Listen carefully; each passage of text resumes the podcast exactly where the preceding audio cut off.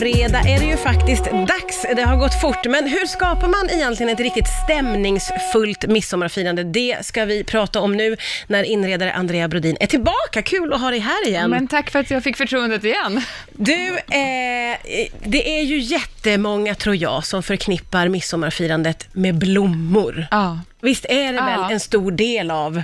Och jag tror att det är för att det är då kanske sommaren på ett sätt är som vackrast. Då står verkligen allting i blom. Så Ja. det är det vi har vant oss vid. Och det här ska man ju såklart ta fasta på i sin kanske midsommardekoration, både vad det gäller dukning, men om man dekorerar hemma eller på uteplatsen eller i trädgården och sådär, så är det ju liksom blommorna som ska få prata. Ja, just det. Det har en central plats. Ja. Eh, och, och det mest eh, romantiska och optimala, det är om man kan gå ut och plocka sina egna blommor. Men Ja, det kan ju inte precis. alla göra kanske. Nej, eller liksom man kanske inte har tid att plocka halva ängen. Nej, nej, precis. För det krävs ofta ganska mycket också. Då är det okej att fuska. Ja, ja. man kan få köpa sig lite fina. Man kan få köpa sig lite fina och eh, vissa år har jag varit jätteduktig och varit ute och plockat och bundit kransar till barnen och sådär. Mm.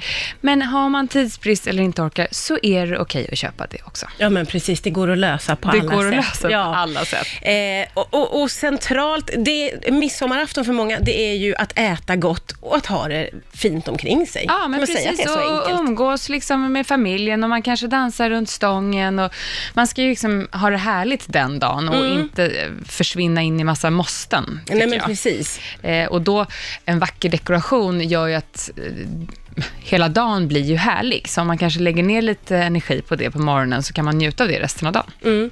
Och hur ska man tänka då kring, dukningen känns ju som väldigt central i det här vackra. Ja, precis.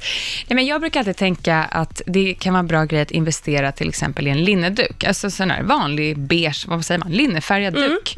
För den funkar året om. Eh, så köper man liksom inte bara en duk för att ha på midsommar, för Ja, det kanske det. känns lite Ja, överkurs. ta fram den en gång per år. Ja, men precis. blir den Utan Man glömd. köper en linneduk Ja. och den här eh, matchar man då med kanske blåa servetter eller vita servetter eller rosa servetter beroende på vad man nu vill ha för känsla på midsommarbordet. Mm. Jag tycker till exempel blåvitt är väldigt härligt. Eh, och sen så öser man på med de här blommorna då, antingen om man plockat dem på ängen eller om man då har gått och gjort det lite lättare för sig. Ja, just det. Ja. Eh, och de kan man bara stoppa i vanliga dricksglas glas, eller någon härlig kanna eller om man då har fina vaser. Ja. Och ett knep är ju kanske att ha vaser då på olika höjd för att skapa liksom lite liv i Mm. ja, hela den här blomsterängen på bordet. Just det, det är ju ett jättebra knep.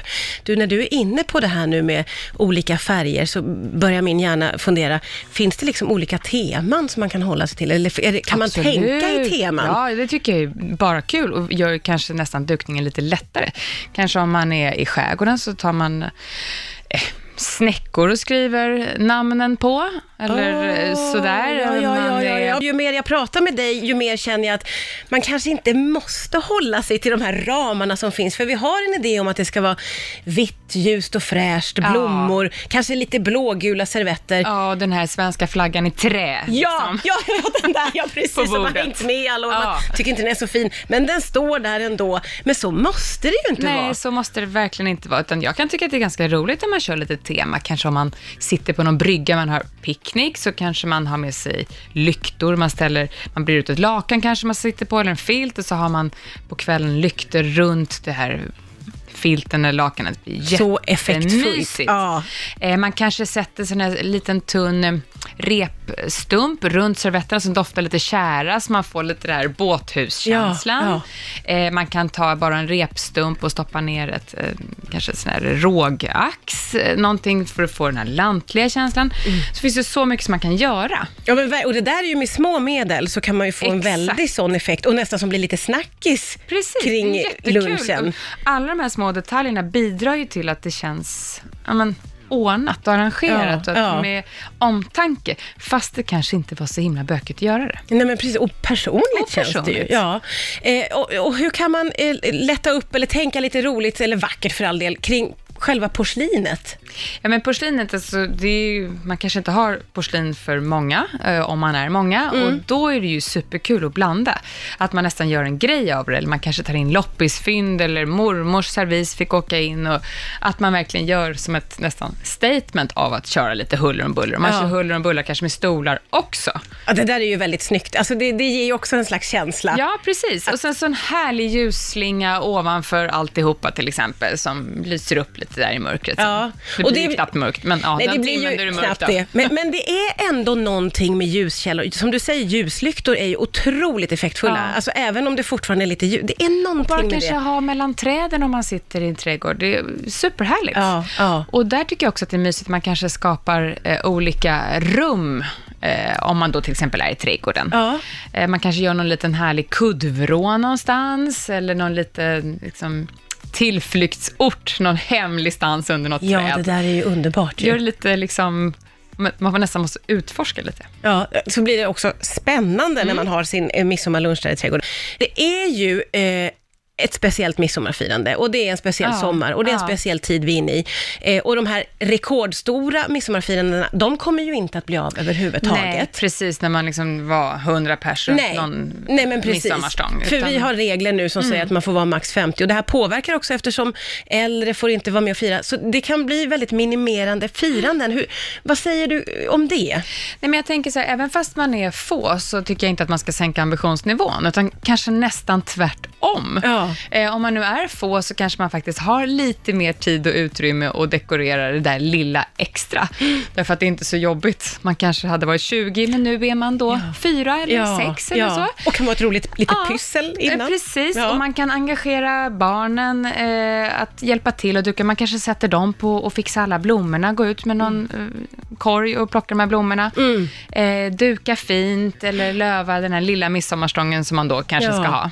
Ja, men precis. Eh, Och så också att- lägga omtanke vid dukning och Ja. alltihopa så att det ändå blir Att någonting. man inte liksom vaskar den här Nej, midsommaren nej. bara för att kanske den här våren har känts lite deppig. Ja, nej men det där tror jag faktiskt är jätte, jätteviktigt att man så här, om man var inställd på ett stort firande med familj, kanske med hela släkten. Ja, kanske hela kompisgänget som man har gjort år efter år eh, och har varit jättekul. Man har sin tradition och nu är det liksom sönderslaget för i år. Ja, men precis. Och så kan man ändå göra det vackert. Får man ändå liksom hålla, hålla i god traditionen. Eh, Hur kommer du att fira? Har, är det bestämt någonting? Ja, din vi, familj? vi brukar alltid fira ett jättegäng, men det gör vi inte i år då Nej. av uppenbara skäl, utan vi firar eh, två familjer ihop med barnen och vi träffas annars också, så det känns safe. Ja. Och det blir i skärgården, så nu sitter jag och klurar lite på vilka olika skärgårdsdetaljer jag ska stoppa in i Åh, vad dukningen. lutar det åt för någonting? Nej, men det blir ju lite som lite gamla lyktor sådär och sen så blir det ju definitivt någon, någon liten eh, tamp runt servetterna. Ja, det var bra och, eh, Jag tänker kanske jag ska hitta någon sån här stor maffig vedkorg så att man kan ha is i, så kan man ha dryckerna. Åh, vad snyggt ja. Ja, men sån här, jag hittade på en second hand förra sommaren. Ja, ja. Ja, men man kan liksom, jag ska se vad jag kan eh, trolla med. Och sen Mm. ja. så såklart linneduken. Ja, ja, självklart. Det, där har vi själva basen. Det är basen. Vi har fått jättemånga bra tips. Tusen tack och jag måste säga det bästa av allt är ju verkligen att så leta där man bor och leta Exakt, bland sina gör egna inte så saker. svårt. Nej, ja, men precis. Och Allt. eh, ha en härlig midsommar. Ja, men det viktigaste av allt, det är alltid underbart och inspirerande när du kommer hit. Tack snälla Andrea Tack snälla. Brodin.